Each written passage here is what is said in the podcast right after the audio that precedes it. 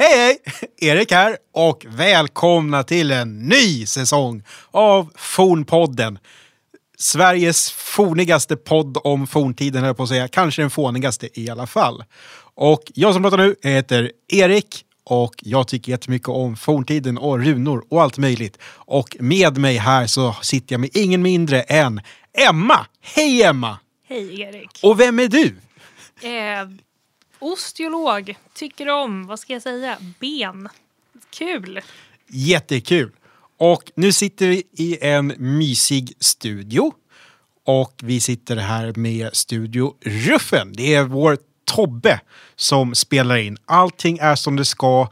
Säsong två börjar exakt så det ska. Ja, det känns jätteskönt att vara igång. Bra. Jag tänker jag laddade ur mig själv lite på det där. Men vi kan börja så här då. Erik, vad har du haft för dig sen sist? Det var ju så länge sedan. Eh, Ja, jag har uppmärksammat runologidagen och Saturnalia och eh, någon annan vinterhögtid. Jag har åkt snowboard för första gången sedan högstadiet. Som du var jättebra på. Jag var jättebra. Min helt opartiske pappa sa att han aldrig sett mig åka så bra snowboard. Wow. Jag åkte svart backe flera gånger. Gud, det hade jag aldrig vågat. Eh, och eh, slog mig blodig bara en gång. Eh, och trillade kanske fem gånger. Men det, det var jätteroligt. Så det måste jag ha, och liksom fortsätta med känner jag. Kanske i din sport.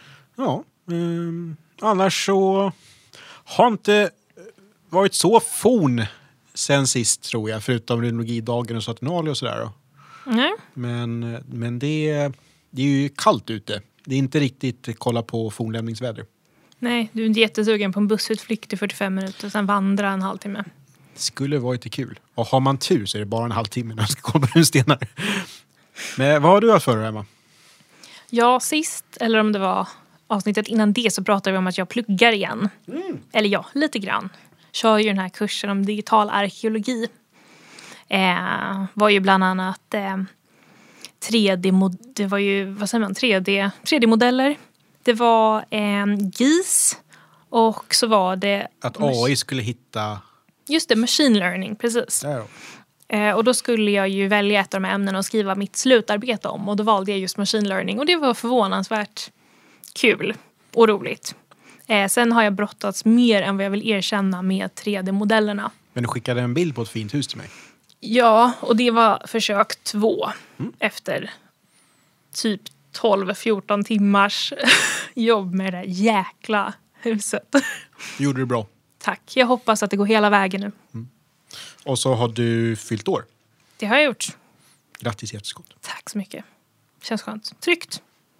Nu är jag liksom på den riktiga sidan. Och Tobbe? Jag mår bra. Han mår bra. Punkt. Japp. God fortsätt. Ja, god fortsättning för bövelen. Mycket fint. Eh, men vi kanske ska dyka in i vad vi ska prata om idag. Och vi gör väl en liten sp- specialare, ska jag väl inte säga, men något lite annorlunda idag. Vi har bestämt oss för att vi ska prata om gravfält. Närmare bestämt varsitt. Och det kom vi fram till efter att vi bestämde att nu är det dags att spela in och sen försökte vi verkligen komma på något så här. Vad för lätt och ledigt kan vi prata om? Precis. Och så kom vi fram till då gravfält. Och vi har valt eh, utifrån lite olika vinklingar. Och Ja. jag ser jättemycket fram emot att lära mig om båda två. Eh, Ja. För det, jag, jag känner mig inte hemma på det jag ska prata om. Nej, inte jag heller, så väldigt spännande. Mm. Och så har vi ett litet nytt format också som jag tänker att vi återkommer till. Mm. Eller? Så vi ska, inte, ska vi inte tisa någonting om det nu? Vi kan säga att vi, vi provar något nytt. Mm, snyggt. Så gör vi. Så ni får helt enkelt stanna kvar till slutet för att höra vad det är. Cliffhanger. Men är vi redo att sätta igång då? Jag tror det.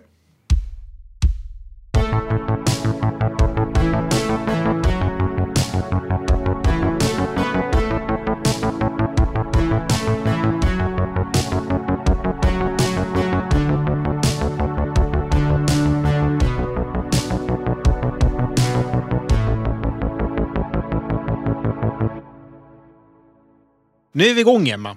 Yes. På riktigt. Mm. Hur känns det? Tryggt.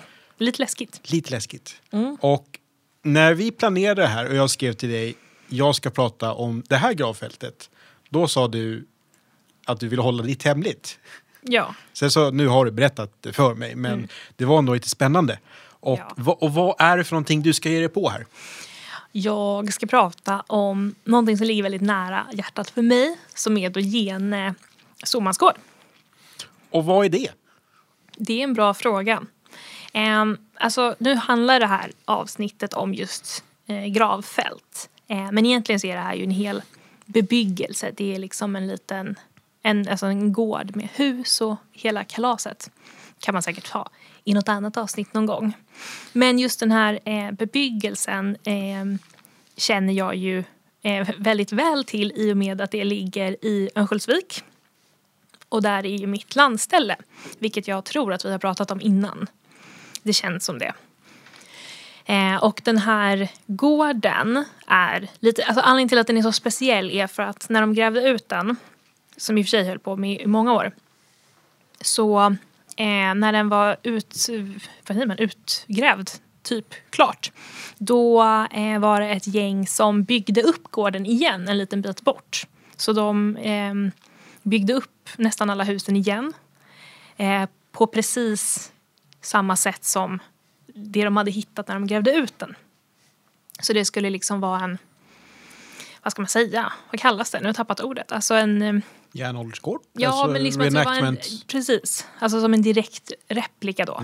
I och med att den här eh, gårdsbebyggelsen brann ner så eh, var det vissa delar av gården där taken bara hade rasat rätt ner. Och då var liksom väggarna bevarade helt, alltså de var liksom nästan exakt bevarade hur de eh, hade varit. Så man kunde se liksom hur de hade bundit väggarna och vad det hade be- bestått av, de olika lagren i väggarna och taket. Så på så vis så var det ganska, eh, citationstecken, enkelt att bygga upp den igen.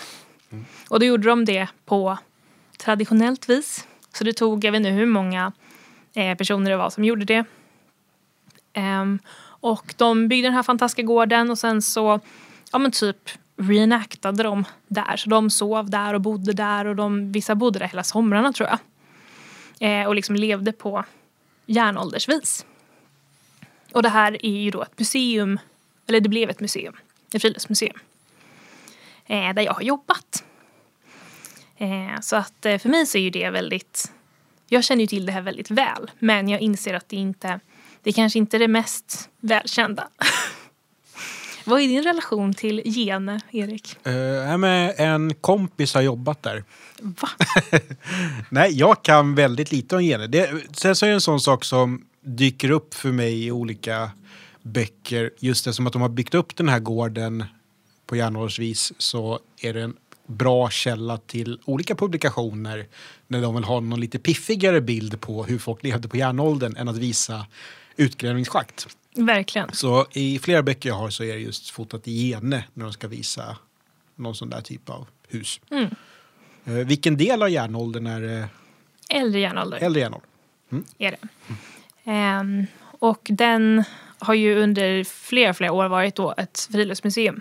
Men nu, som jag har fått veta, så är det inte det var tydligen inte så himla populärt med, eller det kanske det är, men de, de verkar inte riktigt få det att gå runt där. De verkar inte få liksom eh, vem som ska äga det och sådär. Så att just i, i talande stund så är Genes framtid lite osäker.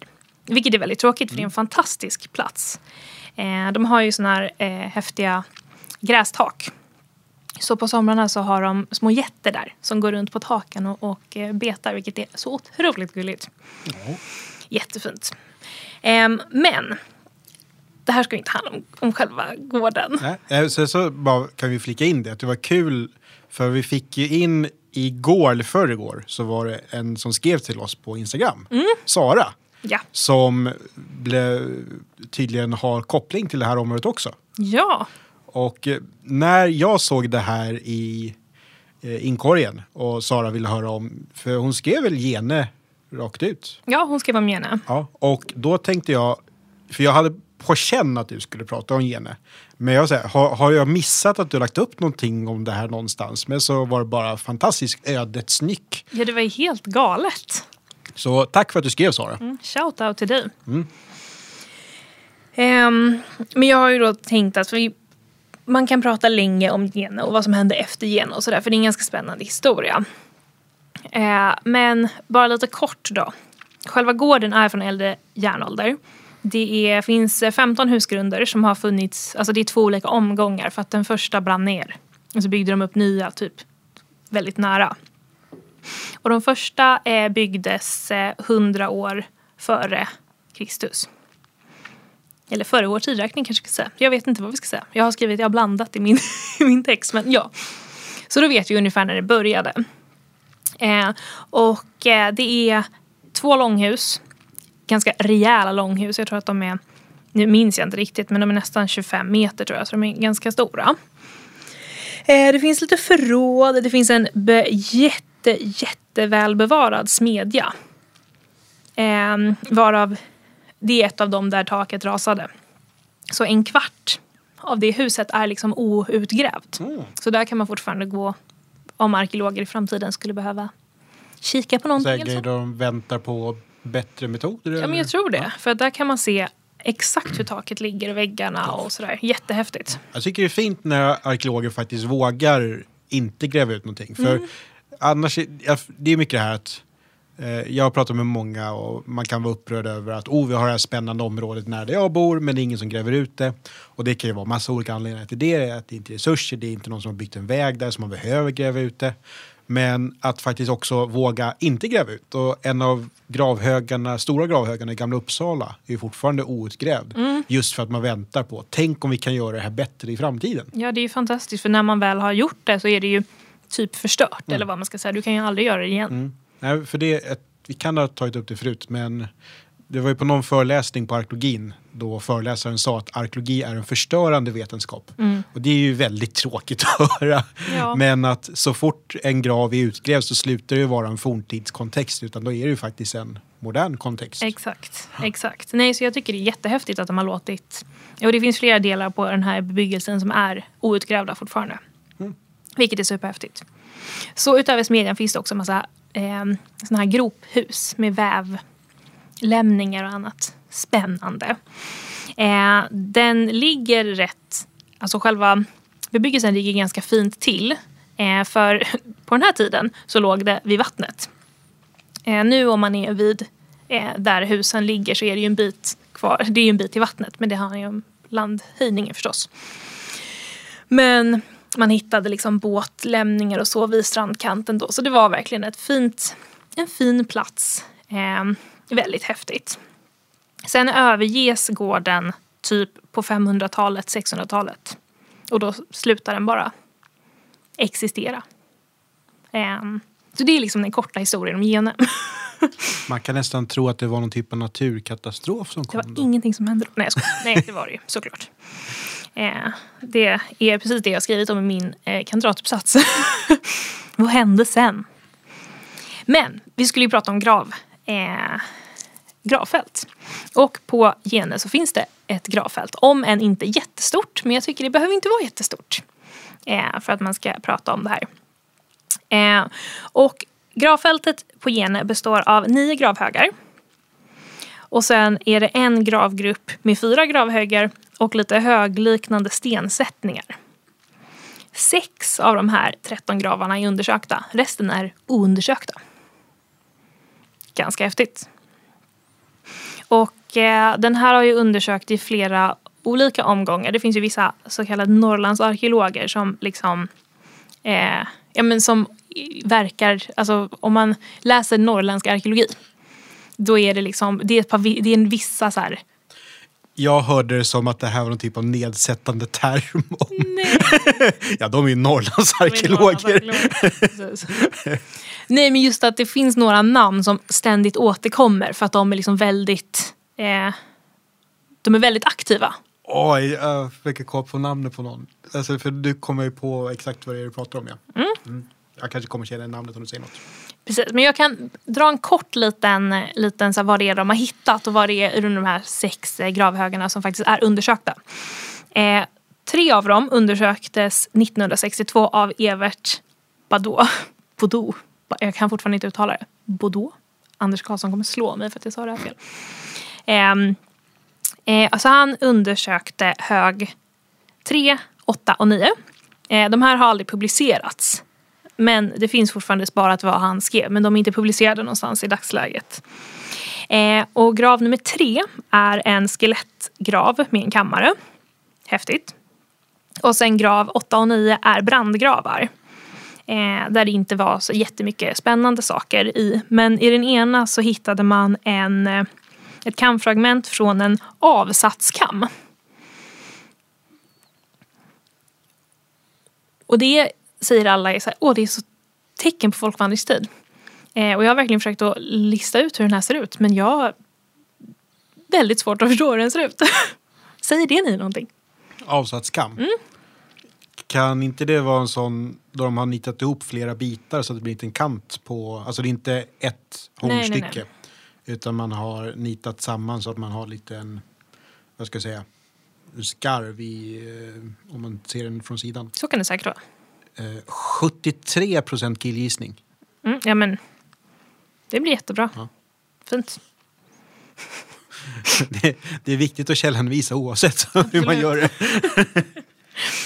Men så det var alltså Everts undersökningar på eh, 60-talet och han har skrivit eh, massa saker om gener.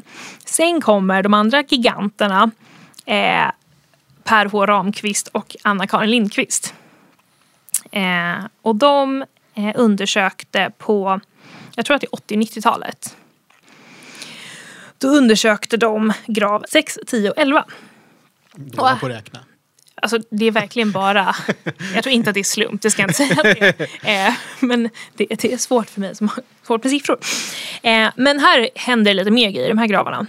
Så då är det eh, grav 6, det är en hög. Eh, som är den enda graven som inte har blivit plundrad. Eh, och det enda eh, som man kan se på graven som liksom var lite iögonfallande var att det var en svacka i den. Eh, ovanpå.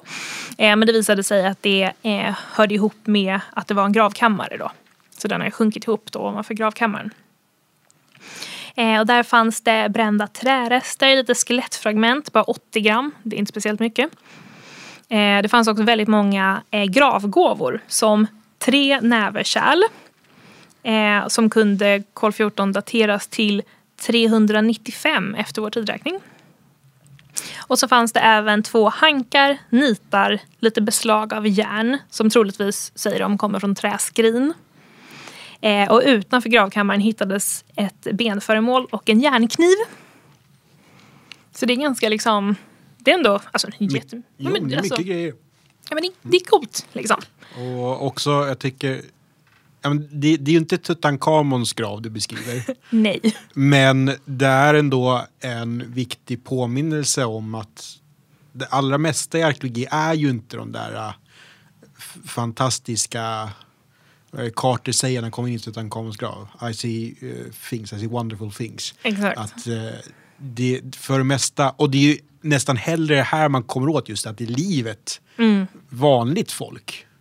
Och, fort, och de här är ju fortfarande i en, ett, en övre del av Ja. en social struktur. De har ändå utmärkta gravar och de får Mm. med sig grejer i graven. Och, De behövde inte ha en guldvagn. nej, det är bara overkill. Verkligen. Eh, ja, nej, men det kommer en hel del coola grejer eh, med liksom, svensk arkeologi mått mätt, tycker jag. För sen om man kollar på grav 10, eh, som tillhör den här gravgruppen, då, eh, så ligger den, de här gravarna ligger väldigt nära det som då var vatten. Så de är verkligen nära liksom, havet. Eh, där kunde man se ett brandlager det fanns 835 gram ben för de som är intresserade av, av benen. Ehm, eh, och då fanns det gravgåvor i form av eldslagningssten i kvarts. Eh, nu kommer ord som jag måste läsa ordentligt för annars så, jag har så svårt med de här orden. Ornerade bältesringar i brons. Nice. Jag visste att du skulle tycka det. Här. Nu ska vi se. remändebeslag i järn. Eh, fragment av en benpil och spetsen, en järnspik, bearbetad sten, remfångare, bronsfragment, eh, delar av en ornerad benkam och en bensked. Alltså här är ju någon som vet hur man ska vara hipp Eller hur? på 300-400-talet. Åh, vilken, vilken människa. Ja, och i den här, um, i en jättefin bok som är av då um, Per Ramqvist och Anna-Karin Lindqvist så har de ritat upp hur de tänker att det här bältet kan ha sett ut. Och det ser ju väldigt pampigt ut. Nej men sådana där bälten, alltså det är ju folk eh, som, alltså punkar och hårdrockar med nitbälten har ju ingenting mot hur forntidens bälten med massa coola detaljer kunde se ut. Nej, precis. Nej, så det är ju alltså det är ganska häftigt. Eh, och om någon är intresserad av hur det här bältet kan ha sett ut så kan vi säkert lägga ut det på en hemsida. Som vi nu ska försöka bli lite bättre på att göra. Ehm, och så, den sista undersökta graven, i min mening den häftigaste, är grav nummer 11. Och eh, det var då en stensättning. Och sen hittade man, ja det är en eh, stenpackning ovanpå. Och sen så har den här som så många andra blivit plundrad. Så vissa saker har liksom flyttat lite på sig. Men eh, i en del av den här stensättningen så hittar de en, eh, ett, en rund, naturligt rund sten. Som är, är nästan en halv meter rund. Jämn. Eh, och eh, här kunde man hitta 395 gram ben. Och sen kom det även fragment av avsatskammar. eh, benpilar, järnfragment, bryne eh, och även lite bränd lera. Och då är frågan, när jag säger en sån här rund sten Erik, vad tänker du då? Gravklot! Ja, precis. Jag har varit med och hittat ett gravklot. Är det sant? Vart Ja, då någonstans? Broby. Jaha, häftigt. Eh, vårt gravklot var stort som ett kranium ungefär. Alltså vad, om jag måttar, vad är det här? 20... Sen- 25 kanske? Ja. Mm. Coolt. Eh, vi kallade det för ägget. Mm. Och eh, det, det gjorde mig glad att höra om ett till gra- gravklot här. Jag tycker det är jättehäftigt. Och sen så i och med att de inte har gjort någon osteologisk undersökning av eh, den här graven så kan man väl säkert inte svära på att det är liksom samma betydelse. Och betydelsen vi menar är ju då att det skulle innebära en kvinnograv. För att eh, gravklot då ska symbolisera, vad är det man säger? På Nyttfödelse, fruktbarhet, Precis. klassiken. I relation till den manliga motsvarigheten som är, En resten. Som kan symbolisera, det kan ni fundera på. Midsommarstänger. Precis. Eh, sen så hörde jag, nu ska jag ju inte försöka mucka med någon Nej, arkeolog, nej, nej, men eh, det var någon som sa att den tolkningen, att vad är det, Anders Andrén och Lovö-rapporterna. Mm. Och sen så var det någon som hade tittat på det där tydligen så är inte den röda tråden manligt kvinnligt solklar. Men eh, Det, det tror jag inte. Det det är säkert kanske inte så heller. Men eftersom vi inte vet eh, så, så kan vi hoppas på det. ja, Eh, för eh, gravklot är inte vanligt i Ångermanland. Eh, och det finns faktiskt inget be, alltså bekräftat alltså, gravklot i hela Ångermanland. Eh, för i närheten Medelpad har tre. Eh, så att det är liksom, Mellansverige har ju många fler då. Men just Ångermanland har inget. Så det vore ju häftigt om det skulle vara så att det här var ett gravklot. Ehm, och det skulle ju då betyda, ponera att det är en kvinna, så har ju den här graven då fått traditionellt icke-kvinnliga gra- gåvor. Ehm, för eh, ja, författarna av den här boken som ju också gjorde den här undersökningen har ju daterat alla till eh, folkvandringstid.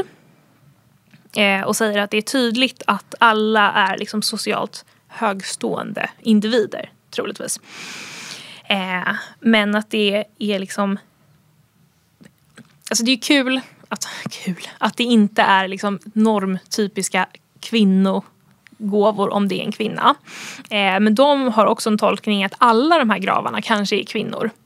Eftersom de inte hittar alltså knappt några vapen, vilket de säger då är vanligt i den här tiden, i det här området. Kul grej. Kanske skulle vara en matriarkat. Eh, och jag har ju då skrivit eh, en uppsats om det här. Och nu var jag ung när jag skrev den så liksom don't come at me. eh, men eftersom den här boplatsen bara är aktiv under 600 år ungefär, tror jag det är om jag inte räknar fel. 500 år. Då eh, an, alltså antalet gravlagda som har fått de här gravarna, det är ju inte många, det är 13 stycken. Och uppenbarligen så har det bott många fler på, på gården. Så jag hade ju en hobbyteori om att det är liksom alltså den, den är högst uppsatta i den generationen som har fått en grav. Mm. Och om man då tänker på liksom genomsnittslivslängd på den här tiden så skulle det kunna vara alltså alla eh, alltså de högst uppstående liksom under den tiden som den här boplatsen var aktiv. Tufft. Det är ju häftigt. Och jag önskar att ni som lyssnar kunde se hur, hur glad Emma ser ut när hon berättar det här. Vad det, trevligt. Ja, nej men alltså det är eh, jätte... Coolt. Ja, men alltså det är ju häftigt. Sen liksom absolut inga egentliga belägg för det här. Mer än ja, det jag har nämnt.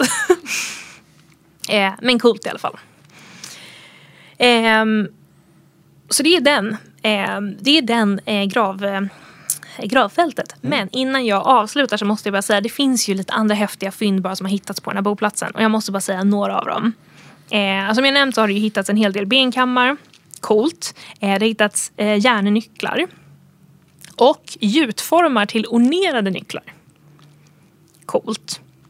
Eh, armborstfibula i järn. Eh, agrafknappar i brons. Dräktnålar i brons. Och en svärdsknapp i brons. Coolt! Tufft. Och det, mina damer och herrar, var gene. Mic drop. Ja, Ja, coolt. Ja, men stort tack. Eh, hur mycket skelett innehåller en vuxen människa i vanliga fall? Eh, I kilo. det är ju... ehm, alltså nu, utan att googla, utan att kolla, så skulle jag säga att jag tror att det är typ 3500 gram. Mm. Eh, så med det sagt så är 80 gram och 350 Pyttelite. väldigt lite. så att, eh, men eftersom, eh, vad var jag sa, det är bara 30, det är sex av de 13 gravarna som är utgrävda. Så det vore ju kul att se i framtiden om arkeologer kan, ja, vem vet vad man kan skrapa Ja. fram. Eh, hade det inte gjorts någon osteologisk bedömning ens vad gäller människo och djurben? Ehm, jag tror att det har gjorts någon... Jag tror att de, de har bedömt, i alla fall i två av gravarna har de konstaterat att det är människa. Mm. Men vad jag vet så har de inte gjort mer än så. Eh, Om det ändå fanns någon osteolog som var väldigt nyfiken på det här. Ja, alltså tro mig, när jag pluggade osteologi så var jag så sugen på att bara här, fråga om jag fick kika på dem. Det kanske är en, eh, en tråd jag ska plocka upp. Kanske. Kom ihåg var ni hörde det först. Verkligen.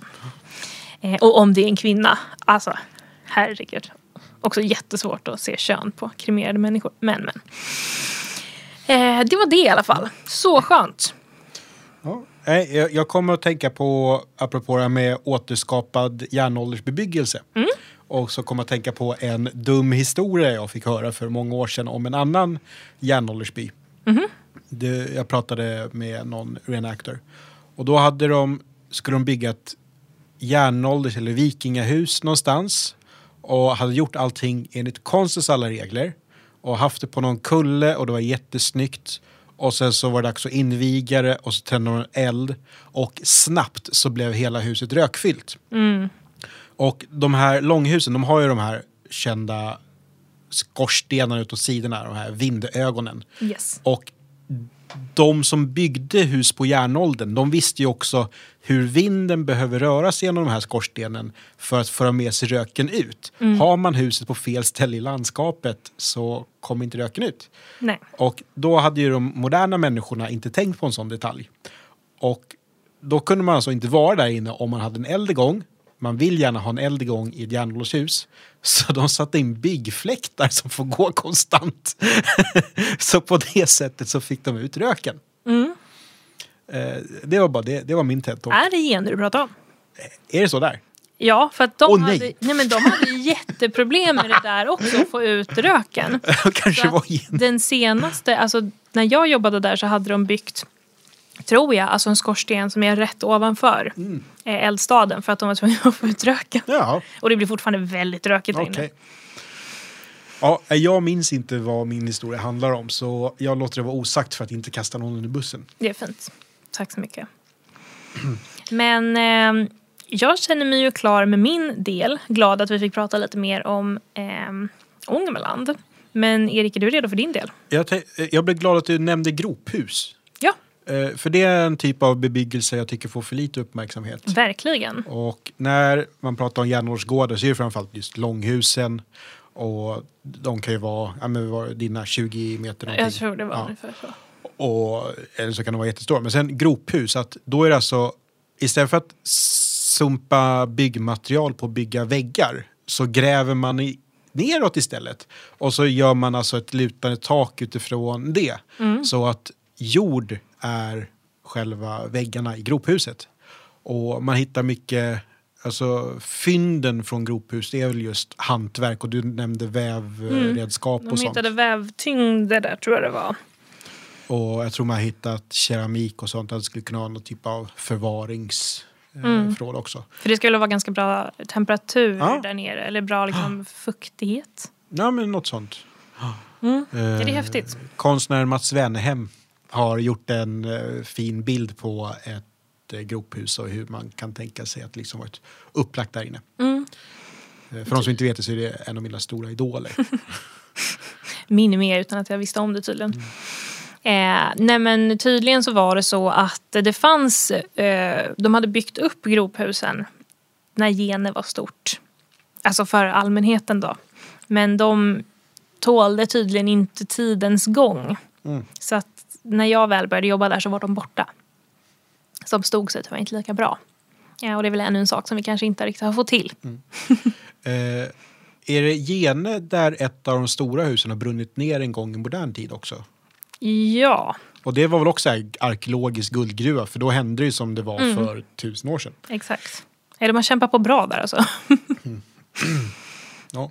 Nej, vi får visa lite kärlek till Gene. Det får vi verkligen göra. Om man har vägarna förbi, åk dit och titta. Det är öppet. Alltså man kan, man kan inte gå in i husen. Men man kan gå runt och se.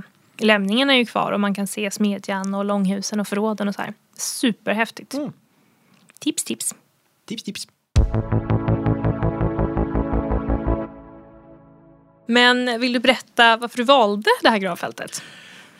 Jag har valt det här gravfältet för att jag vet pinsamt lite om det.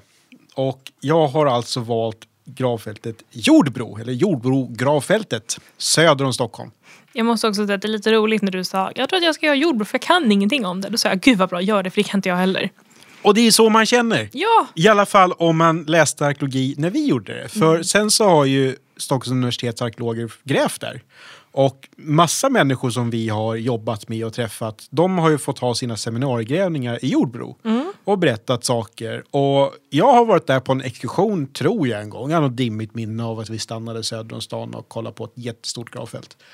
Men jag har inte grävt där, jag har inte varit där på i så fall 12 år. jösses. Och det är, det, det är lite jobbigt när det kommer på tal. För jag, alltså jag har verkligen... När, när användes det? Jag vet inte. Vad fanns det där? Vad Ingen aning. Så, så det tänkte jag försöka bättra på lite grann hos mig själv.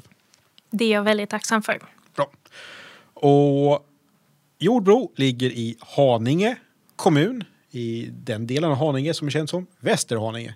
Och jag tycker om Haninge för att namnet, eh, att eh, Han-delen, det kommer från ordet hane, som i manlig av någonting. Men på järnålder, vikingatid, då betyder det framförallt en fågelhane. Och jag tror att det till och med är nästan inriktat på tjädrar.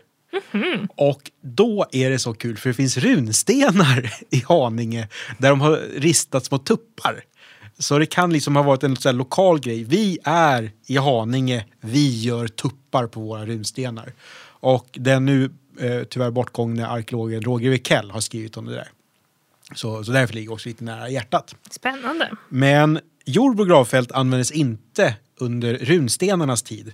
Utan det är också äldre järnålder. Så det var kul att det, det här kanske är mer så här äldre järnålderavsnitt än två gravfältavsnitt. Mm, kanske det. Vi får se vad det blir. Och eh, äldre järnålder är ju då från att bronsåldern tar slut till att eh, folkvandringstid, vendeltid håller på. Så ungefär år 500 in i vår tideräkning till ungefär år 500 efter vår tideräkning. Så tusen år har vi där. Och det är ju jättemycket som hinner hända då förstås. Och de som är i slutet har ju mer gemensamt med vendeltiden än vad de har med bronsåldern. Men det är, man kan prata om keltisk järnålder eller förromersk järnålder, det är romersk järnålder och det är folkvandringstid. Och eh, det är allt det där är sådana tidsperioder som jag precis med jordbro, som med jordbro, skulle jag behöva läsa på mer om. Så, så det har jag att se fram emot. Men ditt gravfält, hur många gravar var det där? 13. Eh, Hur många är det dit? minst 800. Oj jävlar.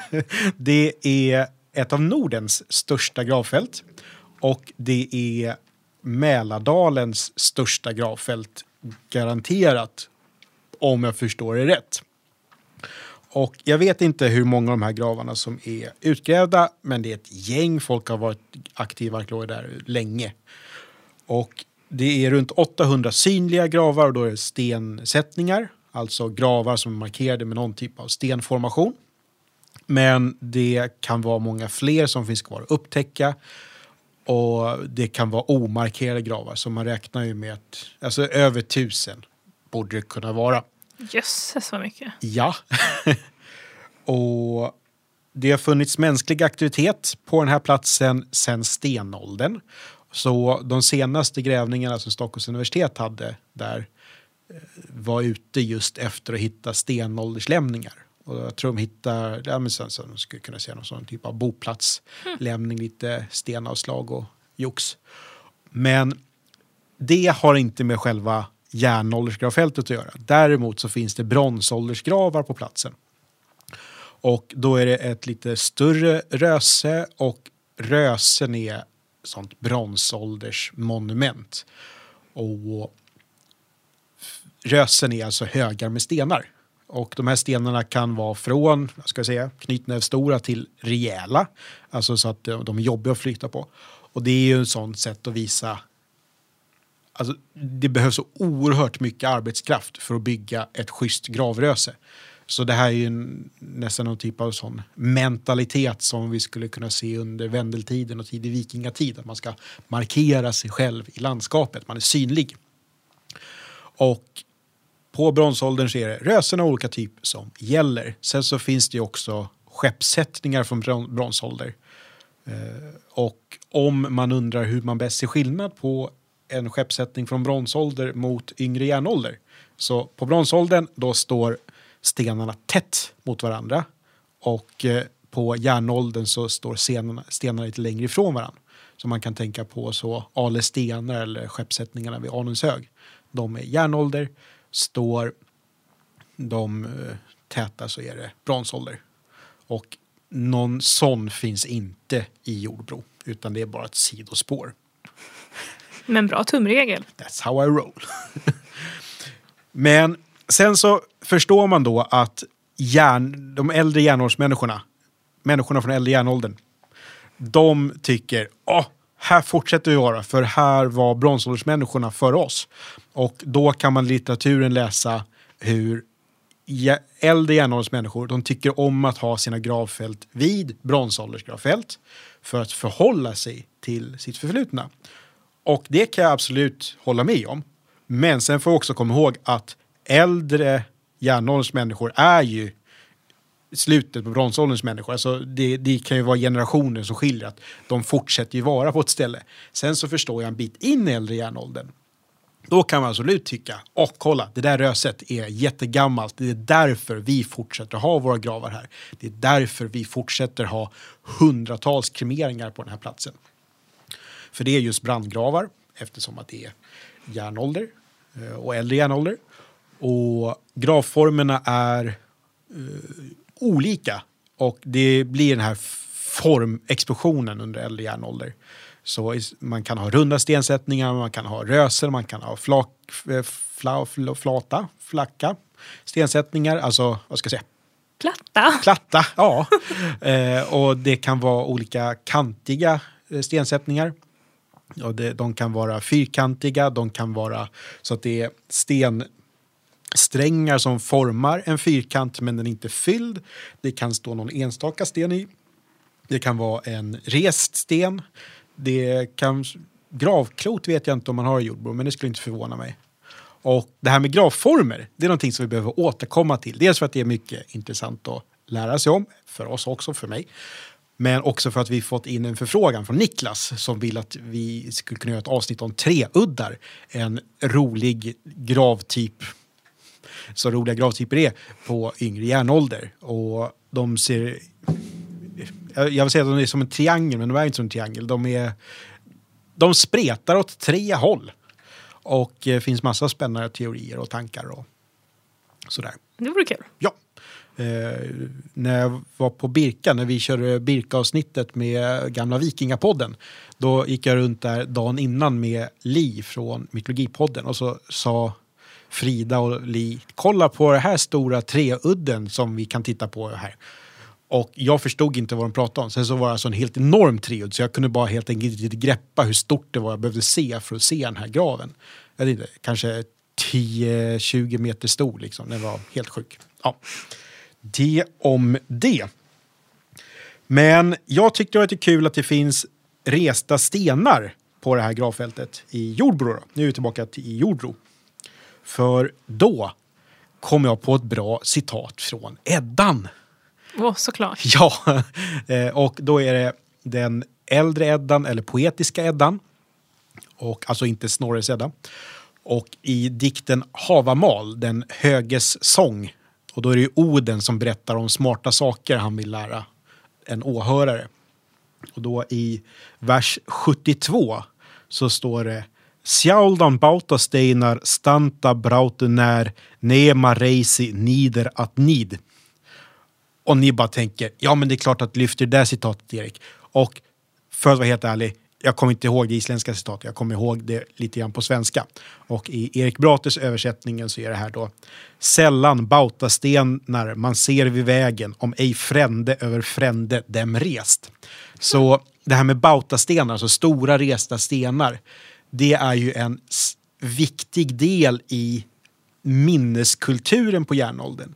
Och äldre Eddan är nedskriven på 1200-talet. Då är vi...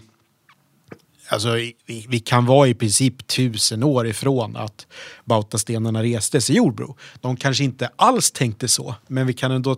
Det borde finnas en koppling att göra de här resta stenarna som någon typ av monument.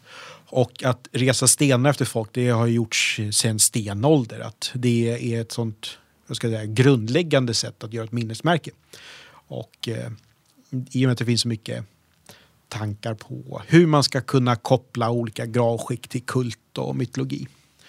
Och de människorna som begravde sina döda i Jordbro, de trodde antagligen på någon variant på de norröna nordiska gudarna. Men antagligen skulle det finnas rätt stora skillnader om man jämför myterna med hur de är i Eddorna. Och eh, Oden hade väl hetat Wotan eller Woden på den tiden och Tor är Vonnar och Tyr är Tivaz. Det är bara så här små skillnader men ändå. Och vad är Freja? Frau, Fraujona. Det, Små skillnader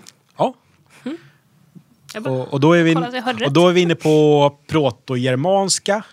Och eh, det är ju alltså det är då vi kan börja ha någon typ av runkällor för språket. Sen så keltisk järnålder. Kelter är ju en folkgrupp i, alltså då, de är norr om Rom. Alltså innan Rom började bråka mer med germaner så är det kelterna som är. Och galler är ett annat ord för kelter. Jag tror att eh, grekiska då är det kelter, på latin så är det galler. Så Asterix och hans tappra galler är en typ av kelter. Och fastlandskelter är en mycket större grupp än de här som är på brittiska öarna. Jag kan störa mig lite på hur det är brittiska öarna och Irland som får mest cred för att vara kelter. Men det är liksom från Turkiet. Alltså hela... Allting norr om romarriket. Från Turkiet till Irland är kelter. Alltså det är så sjukt mycket kelter. Sen så finns ju keltiska språk. Jag har ingen aning om det finns någon forskare som tror att keltiska språk var en grej här i Norden eller hur långt bak man drar de germanska språken. Det här har ingenting med Jordbros gravskick att göra men eh, ett sidospår. Sånt händer.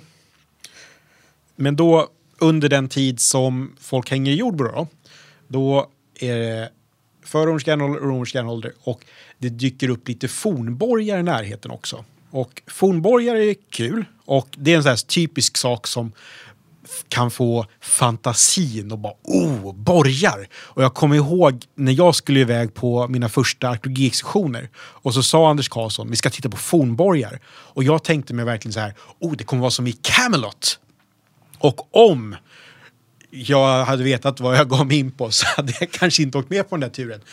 Det finns jättehäftiga fornborgar, men de är inte riktigt de här slotten som kanske dyker upp i huvudet. Att antiklimaxet, det är som i Search for the Holy Grail. Och de kommer fram till Camelot och så säger alla riddarna Oh, Camelot, Camelot. Och så säger någon av de där äh, uh, pagerna, äh, medhjälparna, som går med kokosnötter. It's, uh, it's only a model. Det är bara en modell, det är bara en figur. Och det är fortfarande pampigare än många fornborgar. För fornborgar är alltså kallmurade stencirklar, ofta uppe på kullar. Som ofta är igenväxta. Jag kommer ihåg på min första när vi gick och gick och gick och gick och jag var så här, vart är den? Mm. Så stod vi på en kulle och Anders Karlsson bara, ser du, du står i, i liksom porten, entrén. Mm. Alltså, mm. va? Och det finns fornborgar som är mer välbevarade och kan vara jättepampiga. Men det är en typisk fornlämning som är svår att fota. För när man tittar på bilderna efteråt så är det så här, okej, okay, här är stenar i en skog. Uh, och fornborgar är också en sån här sak som man har gjort under bronsålder också. Så man märker någon typ av kontinuitet här. Och hur ser man då skillnad på bronsålders fornborgar och järnålderns? Bronsålderns fornborgar är mindre, alltså det är smalare stensträngar, inte lika höga. Eh, så om man kan tappa bort en järnålders fornborg så kan jag säga att eh, bronsålderns fornborgar är ännu svårare att se. Jag har varit med och hittat en fornborg från bronsåldern, kommer på nu, eh, utanför Norrtälje, utanför Rimbo, när jag hade min praktik. Men jag vet inte om den fick någon pampig publikation riktigt. Jag tror kanske kom in i fornsök eller någonting. Jag får kolla med Tove om det där. Som jag hade som handledare på den grejen. Ville bara säga det. Men det finns ett gäng fornborgar i Haninge. Och jag hittade en kandidatuppsats från eh, 2020. Och hon skrev att av alla de, alltså det är typ så 18 fornborgar i Haninge, men två av dem är järnålder. Eh, och då har hon utgått mycket från hur pass stor kantkedja det är. Och det dyker upp ett gäng fornborgar på järnåldern och det finns lite olika tankar och teorier om det förstås. Och det är förstås lockande att tänka sig att det är försvarsborgar. Helms klyfta i Sagan om två tornen liksom. Ett ställe där folk tar sig till för att gömma sig i kristider. Och det är väl en halvvanlig tolkning men att det hittas inte så mycket krigsgrejer i fornborgarna. Utan de människor som har varit där att versionen jag har tyckt är en rimlig tolkning är att det är någon mer sporadisk närvaro, kanske kultisk närvaro, man tar sig dit för speciella ritualer och sånt. Och eh, sen så finns det vissa fornborgar som är mer synligt krigiska. Jag tror Runsa fornborg är så kraftigt byggd. Och sen fornborgarna på Öland är en helt annan grej, att de är absolut krigiska. Sen så har den danska arkeologen Lotta Heidegger, hon har en rätt rolig tolkning som jag tror att ingen annan har hakat på riktigt. Och hon, hon är jätteduktig, alltså hon är professor och så, jag ska inte dissa henne. Men i hennes bok Skuggor från en annan verklighet, då föreslår hon att många fornborgar i Skandinavien kan dyka upp för att hunnerledaren Attila, som kommer och härjar med Rom, han vill få med sig Norden så att Rom hamnar i ett tvåfrontskrig. Så hon föreslår att Attila försöker få germaner i Norden att börja organisera sig. Och då ska de alltså börja bygga fornborgar. Och jag tror hon säger själv att liksom, Attila hade nog tänkt sig någonting annat i så fall. Eh, sen så finns också tolkningen att de som gör de här fornborgarna, de kanske faktiskt är rädda för Attila eller för Rom. Man är rädda för att det skulle kunna komma en invasion och då är det lika bra att ha någon typ av borg redo. Men det är nog en sån sak som man aldrig kommer få reda på. Men Attila, Attila borde vi prata mer om också. Eh, Attila är cool. Eh, han är Guds gissel kallas han i vissa kristna historieböcker. Och hans, papp, hans namn är på gotiska, så det är inte hunnernas språk. Det finns ingen källa för hunniska språket. Och hans namn betyder lilla pappa. Mm, vad gulligt. Ja, så det kan vara att, för han, lilla- Attila, han var ju då hunnerledare, hade hunniska trupper som det finns förvånansvärt lite arkeologi om.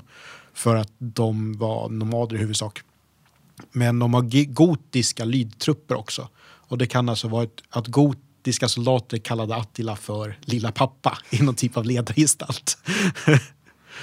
Det finns en Gerard Butler-film om Attila. Han kanske inte var helt rätt man för det giget, men han fick det ändå. Det är om Jordbro. Eh, eh, jag tittar här på mitt papper med åtta ord på.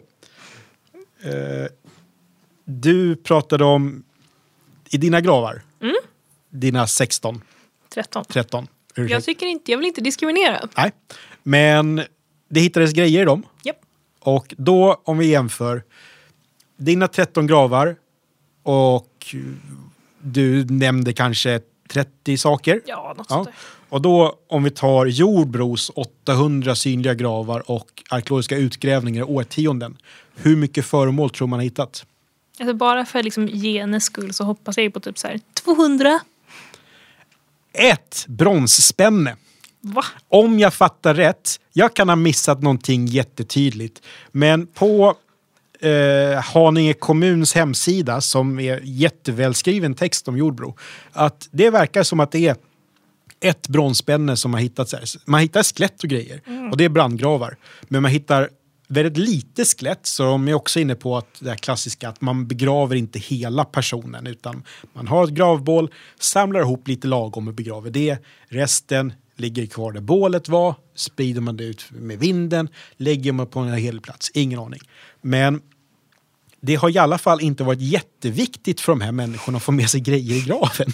Poäng till gener tycker jag. Ja, jo. Och jag har inte hittat någon bild på det här spännet, men jag hoppas det. Men det vore spännande att se. Oh, jösses. Jag känner att jag blev lite hetsig här. Jag försöker fundera, vad är det jag har lärt mig nu om jordbro? Jättemycket gravar. Ja, Inga fynd. Mm, ett, ett. fynd. det är viktigt att fästa sig vid det spännet. Kul. Men ja, jag vet inte om vi kom upp i att 50% av det här svamlet handlade om Jordbro. Kanske. Men det var så här mina tankegångar gick runt Jordbro. Och jag kommer försöka fortsätta lära mig mer om Jordbro. Så det kanske blir en så här, något, jag vet inte om du har tänkt på det, men det blir ibland lite sidospår när jag pratar. Jag kan tänka mig att någon gång i framtiden kanske kommer något Jordbro-sidospår igen. Precis. Och för er som har grävt på Jordbro eller bor där, att Förlåt. jag har inte varit ute efter att dissa er, utan det här var bara min, min första kontakt med Jordbro och jag har tyckt att det är spännande och det är ett helt sjukt stort gravfält. Ja, det är det verkligen. Och eh, det är väldigt fint om man tittar på bilderna. Mm. Jag tror på Haninge kommuns hemsida så står det så här att det är magiskt där och det växer vitsippor på våren och det är rätt väldigt mysigt. Ja, då får man väl kanske bege sig dit någon gång då. Mm. Jag som aldrig varit där. Utflykt! Perfekt. Du får ta med snacksen. Ja. Ja, men Erik, tack så jättemycket. Jag har faktiskt lärt mig Bra. ett och annat. Om inte annat hur man skiljer eh, bronsåldersgrejer från järnåldersgrejer. Vad fint. Mm.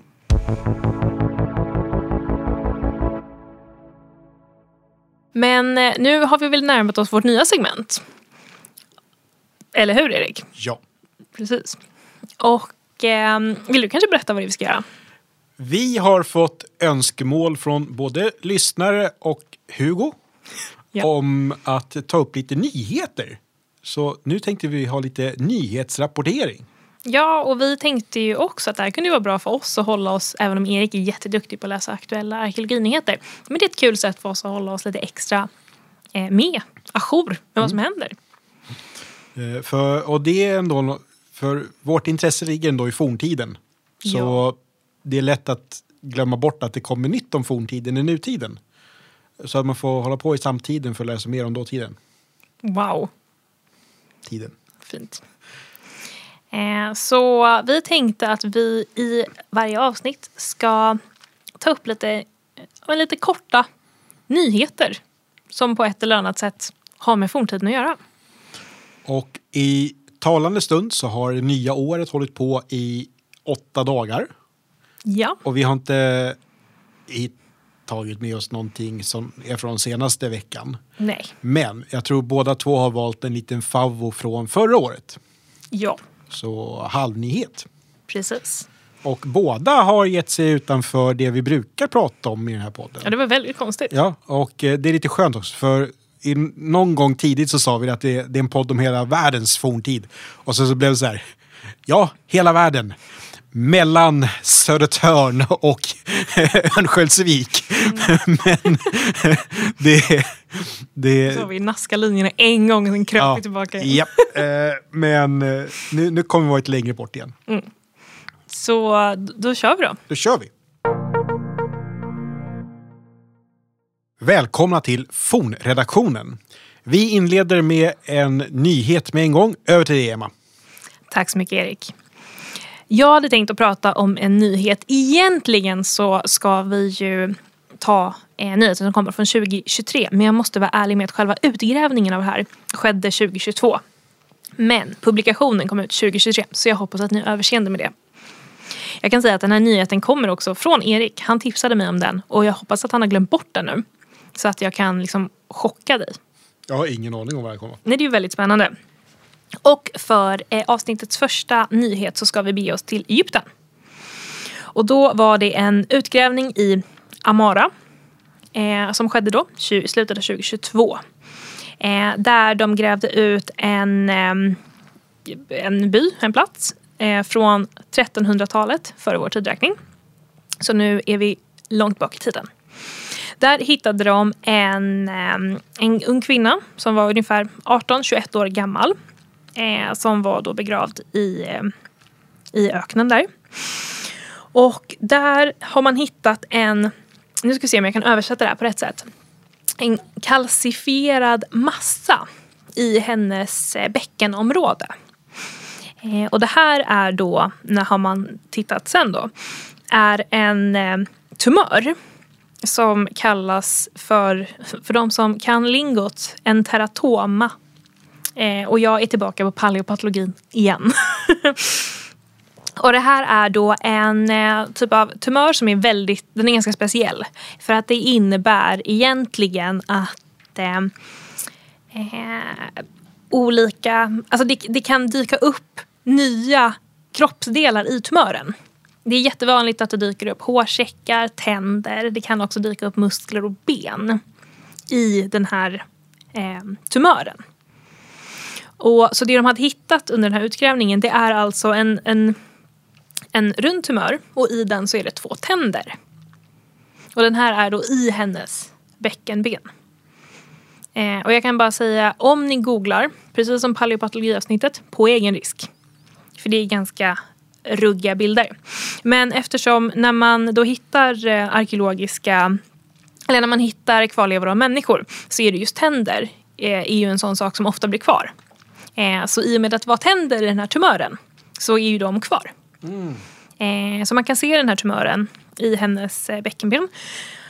Och eh, det som är häftigt med den här det är att det är eh, det enda eh, eh, rapporterade exemplet av en sån här tumör på flera, århund, på flera år, eh, ja, århundraden som man har hittat en sån här tumör. Och det är ju, nu kanske jag är ensam om det här, men det här är ju jättehäftigt. Eh, och sen vet man ju inte hur hon har mått av det här. Det här har man en sån eh, tumör så kan man, få in, man kan bli infertil. Eh, man kan ha väldigt ont. Det kan liksom drabba eh, folk på olika sätt och det är svårt att veta hur hon har mått då. Men en sak som jag bara tyckte var spännande det är att hon har blivit begraven med eh, en guldring som är dekorerad med en eh, egyptisk gud som heter Bess. Eh, och Bess är då Eh, en, en eh, gud som ska liksom skydda hushållet. Ehm, och den ska då avfärda eh, onda, alltså ondhet. Den ska vara bra för att döda ormar bland annat, eh, ta bort onda andar och även eh, hjälpa kvinnor med fertilitet. Och det är ju lite, nu vet jag inte om det här alltså, indikerar att de skulle vetat om att det här fanns. Men det är ju väldigt häftigt att hon har blivit begraven med den här ringen. Eh, och för de som kanske känner igen den här typen av eh, tumör så kan det också, det finns en annan typ av tumör eh, som heter fetus in fitu. Eh, och det är, eh, brukar man säga, en typ av den här teratom som är då att eh, eh vad ska man säga, de be betraktar det på lite olika sätt men det kan vara att man då har haft en tvilling som har liksom i väldigt tidigt skede absorberats av kroppen och då kan ibland vissa delar bli kvar. Men i och med att, det här kanske låter äckligt, men i och med att de här tänderna var liksom fullvuxna så tror man att det bara var en sån här tumör. Men det är eh, väldigt häftigt att man har hittat henne eftersom det är så himla ovanligt. Och de ska fortsätta studera henne och eh, graven runt omkring henne för att kunna se om de kan hitta lite mer sociala, eh, alltså hur, hur det ska ha påverkat hennes liv på det större. Eh, så det var det. Då går vi över till Erik. Tack Emma! Och vad intressant. Jag minns fortfarande ingenting av den här artikeln. Vad bra. Så tack för att du berättade för den, om den för mig. Och nu ska vi bege oss till Brasilien. Och eh, jag kan väldigt lite om, om eh, amerikansk arkeologi. Oavsett om det är syd, nord eller mittemellan. Och eh, däremot så vet jag att det kan vara ett eh, diskussion om när kom folk dit egentligen? Och eh, i alla fall, alltså det har funnits tankar och teorier om att människor kom till Amerika för 15 000 år sedan sådär, så rätt länge men ändå eh, in, inte as, as länge sedan om man jämför med hur länge folk har bott i Afrika och Europa och Asien. Men förra året så kunde de alltså gå ut med att man har hittat eh, fynd som kan ändra om lite på hur man ser att när kom folk till Brasilien i alla fall, eller ja, Amerika. För då är det en typ av megafauna man har hittat spår av och det är en jättesengångare. Sengångare är ju idag ett väldigt populärt djur. Vår kompis Sanna tycker jättemycket om sengångare. Eh, tror inte hon lyssnar på podden, men ändå. Hon this is for you, Sanna. Eh, men jättesengångare är alltså en utdöd typ av sengångare som i, alltså, jag tror den största kunde väga en bra bit över ett ton, så vi snackar stora djur. Och gränsen för megafauna är saker som är tyngre än 40 kilo, 40-50 kilo någonting. Så din chefer är megafauna tror jag. Ja.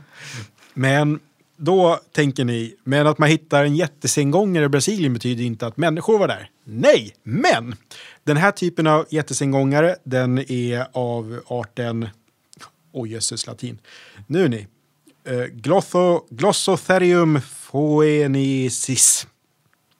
Och den typen av jättesengångare, och jag vet inte om just den här blev så här ett ton stor, utan men fortfarande större än en modern sengångare. Men den hade hud som var lite som på bältdjur. Alltså lite så här förhårdnad hud och så tror jag att de har någon typ av päls över det.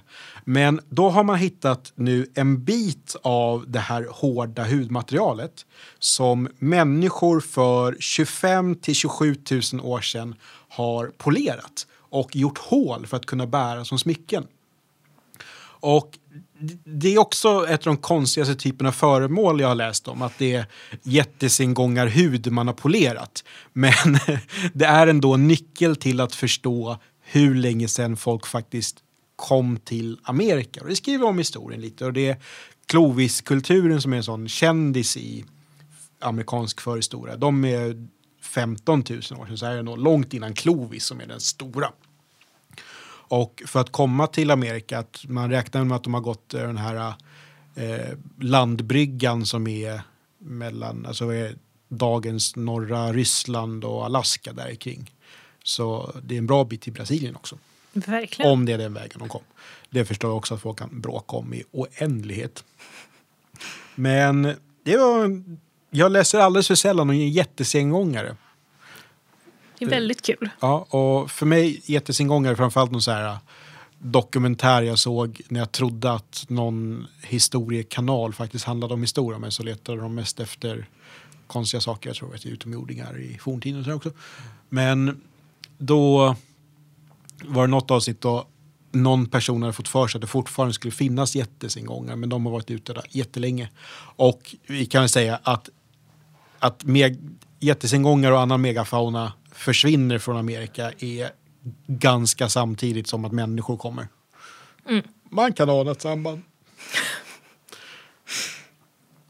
Sen så är det en sån sak som de också bråkar om eh, regelbundet i sig. Jag läste någonting för bara två år sedan om att man har gett människor för stor del i megafaunans tillbakagång. Och sen så såg jag en annan artikel som sa nej, det är människorna. För man kan se hur antal djurarter går upp i fossilmaterialet och så försvinner de och så går de upp och så försvinner de och sen så ser man när människor kommer bara pff, äh, går åt skogen. Läxa till oss alla kan man säga. Vad sa du? Det är en läxa till oss alla kan man säga. Men det, det var min lilla nyhet om sengångare. Ja, men det var jätteintressant. Tack så mycket. Tack, tack själv, tack för att du säger det. Mm, härligt. Uh, över till vädret. Tobbe. Men vi hoppas att ni tycker om det här lilla segmentet så ska vi försöka eh, få in så mycket nyheter vi kan nu i den nya säsongen så vi håller oss lite ajour i arkeologvärlden. Det är jag väldigt taggad på. Jag också. Skönt. Ja, då är första, eller första andra säsongen igång då. Hur känns det? Whoop, whoop. Det här känns bra. Och vi har ju ingen brist på saker vi vill prata om, men vi vill också veta vad ni vill att vi ska prata om. Så det kan ni ju skicka in. Och eh, det gör man ju lite här och där. Det har flera av er klurat ut. Instagram, Facebook, Mail. Vi har en hemsida som nu Hemsidan. ska fyllas på. Funpodden.com. Ja, och där, jag tänkte jag ska försöka lägga upp lite bilder på eh, djurhuvudformiga spännens utveckling. Ni har ju rafflande re. Vi måste gå in och klicka. Ja, extra, extra hero about it. Men eh, hur, hur känner du att vi är igång? Det känns jättebra. Kul. Hur, hur känner Tobbe? Toppen. Tob, tob, Toppe säger Tobben. Eh, Ja. tob, Tobbe säger toppen. Vilken start. Eller hur? Yes. Så då hoppas vi att ni hänger kvar när det är dags för nästa avsnitt sen. Vi har ingen aning om vad det ska handla om. Nej, så det blir jättebra. Gropkör mycket säkert. Ja, säkert. Ja. Men tills dess så får ni ha det så bra. Ta hand om er. Hej då! Hej hej.